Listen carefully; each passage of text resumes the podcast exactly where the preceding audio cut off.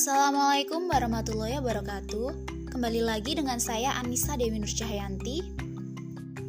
Di sini saya akan membahas materi tentang aplikasi keperawatan transkultural dalam pendidikan keperawatan, praktik, manajemen, dan riset.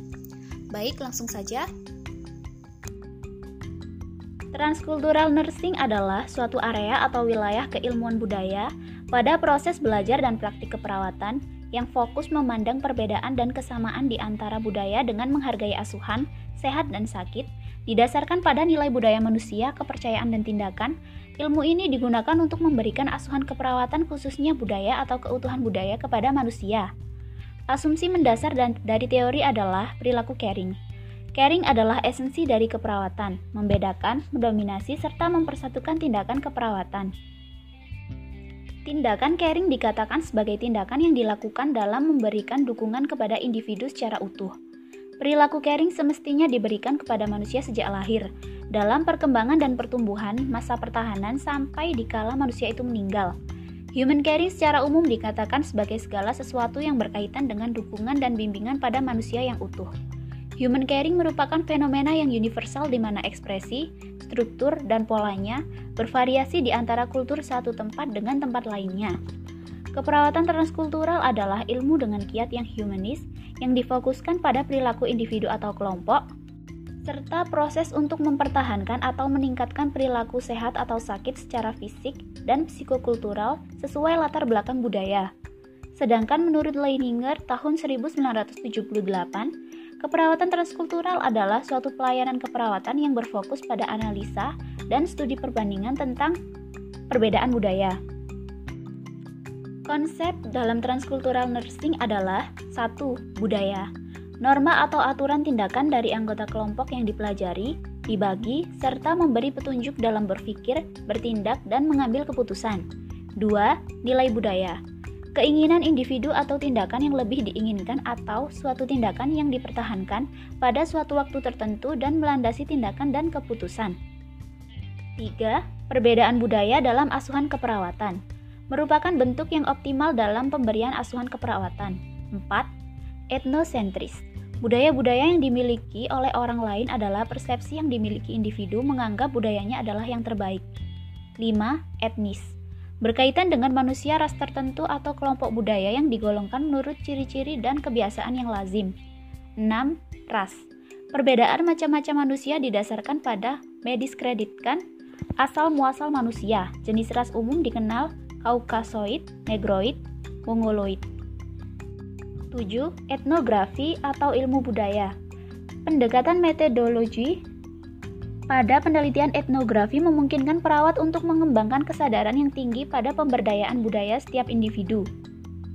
8. Care Fenomena yang berhubungan dengan bimbingan bantuan, dukungan perilaku pada individu, keluarga, dan kelompok dengan adanya kejadian untuk memenuhi kebutuhan baik aktual maupun potensial untuk meningkatkan kondisi dan kualitas kehidupan manusia. 9. Caring tindakan langsung yang diarahkan untuk membimbing, mendukung, dan mengarahkan individu, keluarga, atau kelompok pada keadaan yang nyata, yang nyata atau antisipasi kebutuhan untuk meningkatkan kondisi kehidupan manusia. 10. Kultur care Kemampuan kognitif untuk mengetahui nilai, kepercayaan, dan pola ekspresi digunakan untuk membimbing, mendukung, atau mem memberi kesempatan individu, keluarga, atau kelompok untuk mempertahankan kesehatan, sehat, dan berkembang, bertahan hidup dalam keterbatasan, dan mencapai kematian dengan damai. 11. Cultural imposition Kecenderungan tenaga kesehatan untuk memaksakan kepercayaan, praktek, dan nilai karena percaya bahwa ide yang dimiliki oleh perawat lebih tinggi dari kelompok lain. Paradigma dalam transkultural nursing. Paradigma transkultural nursing menurut Leininger tahun 1985 adalah cara pandang, keyakinan, nilai-nilai, konsep-konsep dalam asuhan keperawatan yang sesuai latar belakang budaya terhadap empat konsep sentral keperawatan, yaitu 1.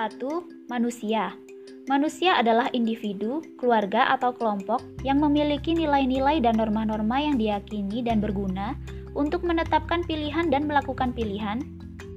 Menurut Leininger tahun 1984, manusia memiliki kecenderungan untuk mempertahankan budayanya pada setiap saat di mana pun dia berada. 2. Sehat. Kesehatan adalah keseluruhan aktivitas yang dimiliki klien dalam mengisi kehidupannya, terletak pada rentang sehat sakit. Kesehatan merupakan suatu keyakinan nilai pola kegiatan dalam konteks budaya yang digunakan untuk menjaga dan memelihara keadaan seimbang atau sehat yang dapat diobservasi dalam keaktivitas sehari-hari. Klien dan perawat mempunyai tujuan yang sama, yaitu ingin mempertahankan keadaan sehat dalam rentang sehat sakit yang adaptif. 3. Lingkungan Lingkungan didefinisikan sebagai keseluruhan fenomena yang mempengaruhi perkembangan kepercayaan dan perilaku klien. Lingkungan dipandang sebagai suatu totalitas kehidupan di mana klien dengan budayanya saling berinteraksi. Terdapat tiga bentuk lingkungan, yaitu fisik, sosial, dan simbolik. Lingkungan fisik adalah lingkungan alam atau diciptakan oleh manusia seperti daerah katulistiwa, pegunungan, pemukiman padat, dan iklim, seperti rumah di daerah Eskimo yang hampir tertutup rapat karena tidak pernah ada matahari. Lingkungan sosial adalah keseluruhan struktur sosial yang berhubungan dengan sosialisasi individu, keluarga, atau kelompok ke dalam masyarakat yang lebih luas. Di dalam lingkungan sosial individu harus mengikuti struktur dan aturan-aturan yang berlaku di lingkungan tersebut.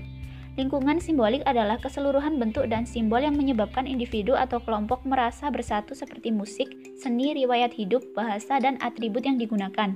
4. Keperawatan Asuhan keperawatan adalah suatu proses atau rangkaian kegiatan pada praktik keperawatan yang diberikan kepada klien sesuai dengan latar belakang budayanya. Asuhan keperawatan ditujukan memandirikan individu sesuai dengan budaya klien. Strategi yang digunakan dalam asuhan keperawatan adalah perlindungan atau mempertahankan budaya, mengakomodasi atau negosiasi budaya, dan mengubah atau mengganti budaya klien. Lintas budaya dalam perawatan dan pendidikan perawat. Selama tiga dekade terakhir, tenaga keperawatan harus mengembangkan, meningkatkan pengetahuan atau ilmunya karena tuntutan klien dari hari ke hari semakin kompleks. Profesionalitas tenaga perawatan terus-menerus harus ditingkatkan kualitasnya. Bila profesi keperawatan mengharapkan tidak ditinggal atau diabaikan oleh masyarakat dan atau oleh profesi kesehatan lain. Era global tidak pernah akan dapat dihindari oleh siapa pun termasuk profesi keperawatan. Pertukaran informasi begitu cepat, sarana transportasi semakin banyak, kemajuan iptek terus melaju. Ini semua akan sangat mempercepat transkultural proses dalam setiap profesi, termasuk profesi perawat. Pendidikan tenaga perawatan mau tidak mau, senang maupun tidak senang harus membekali peserta didiknya tentang asuhan keperawatan yang adekuat dengan nilai-nilai kultur yang menjadi milik klien atau pasien, selain manajemen keperawatan yang harus menjadi acuan dalam setiap intervensi. Pada dewasa ini atau era global, nilai-nilai kultural menjadi suatu yang urgen dalam setiap tindakan perawatan. Tantangan yang signifikan bagi profesi keperawatan pada abad 21 Berdasarkan hasil riset yang dilakukan oleh Rian dan kawan-kawan di Amerika Serikat tentang transkultural nursing menghasilkan rekomendasi. 1. Tenaga perawatan harus mengerti memahami transkultural nursing. 2. Transkultural nursing sebagai kesatuan integral dalam setiap intervensi, setiap tenaga paramedis diharapkan mempunyai kompetensi. 3. Setiap lembaga pendidikan tenaga paramedis hendaknya memberikan kompetensi transkultural nursing kepada mahasiswa atau mahasiswi. 4. Pengetahuan dan penelitian tentang transkultural nursing terus-menerus dilakukan dalam praktik atau pelayanan. 5. Di lahan praktik atau pelayanan, perlu adanya pendamping yang mengerti dan mengerti transkultural nursing. Leininger dan McFarland mengatakan bahwa pada tahun 2015, semua tenaga paramedis atau perawat sudah siap secara adekuat pada setiap tindakan keperawatan atau pengetahuan, atau konsep keperawatan dengan nilai-nilai lintas budaya pada setiap pasien atau klien yang dilayaninya. Karena tantangan lintas nilai-nilai budaya pada milenium ketiga akan sangat berpengaruh terhadap keberhasilan kualitas pelayanan atau intervensi kepada pasien atau klien. Proses keperawatan transkultural nursing Kaiser tahun 1991 menyatakan bahwa proses keperawatan ini digunakan oleh perawat sebagai landasan berpikir dan memberikan solusi terhadap masalah. Pengelolaan asuhan keperawatan dilaksanakan dari mulai tahap pengkajian, diagnosa keperawatan, perencanaan, pelaksanaan, dan evaluasi. 1. Pengkajian Pengkajian adalah proses mengumpulkan data untuk mengidentifikasi masalah kesehatan klien sesuai dengan latar belakang budaya klien. Pengkajian dirancang berdasarkan tujuh komponen yang ada pada Sunrise Model, yaitu Pertama, faktor teknologi atau technological factors. Teknologi kesehatan memungkinkan individu untuk memilih atau mendapat penawaran menyelesaikan masalah dalam pelayanan kesehatan. Perawat perlu mengkaji persepsi sehat sakit, kebiasaan berobat, atau mengatasi masalah kesehatan, alasan mencari bantuan kesehatan. Alasan klien memilih pengobatan alternatif dan persepsi klien tentang penggunaan dan pemanfaatan teknologi untuk mengatasi permasalahan kesehatan saat ini. Kedua, faktor agama dan falsafah hidup atau religious and philosophical factors. Agama adalah suatu simbol yang mengakibatkan pandangan yang amat realistis bagi para pemeluknya. Agama memberikan motivasi yang sangat kuat untuk menempatkan kebenaran di atas segalanya, bahkan di atas kehidupannya sendiri. Faktor agama yang harus dikaji oleh perawat adalah agama yang dianut, status pernikahan, cara pandang klien terhadap penyebab penyakit, cara pengobatan, dan kebiasaan agama yang berdampak positif terhadap kesehatan. Ketiga, faktor sosial dan keterikatan keluarga atau kinship and social factors. Perawat pada tahap ini harus mengkaji faktor-faktor nama lengkap, nama panggilan, umur dan tempat tinggal lahir, jenis kelamin, status, tipe keluarga, pengambilan keputusan dalam keluarga, dan hubungan klien dengan kepada keluarga. Keempat, nilai-nilai budaya dan gaya hidup atau cultural value and life ways. Nilai-nilai budaya adalah sesuatu yang dirumuskan dan ditetapkan oleh penganut budaya yang dianggap baik atau buruk.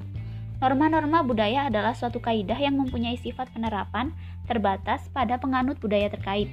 Yang perlu dikaji pada faktor ini adalah posisi dan jabatan yang dipegang oleh kepala keluarga, bahasa yang digunakan, kebiasaan makan, makanan yang dipantang dalam kondisi sakit. Persepsi sakit berkaitan dengan aktivitas sehari-hari dan kebiasaan membersihkan diri. Kelima, faktor kebijakan dan peraturan yang berlaku atau political and legal factors. Kebijakan dan peraturan rumah sakit yang berlaku adalah segala sesuatu yang mempengaruhi kegiatan individu dalam asuhan keperawatan lintas budaya.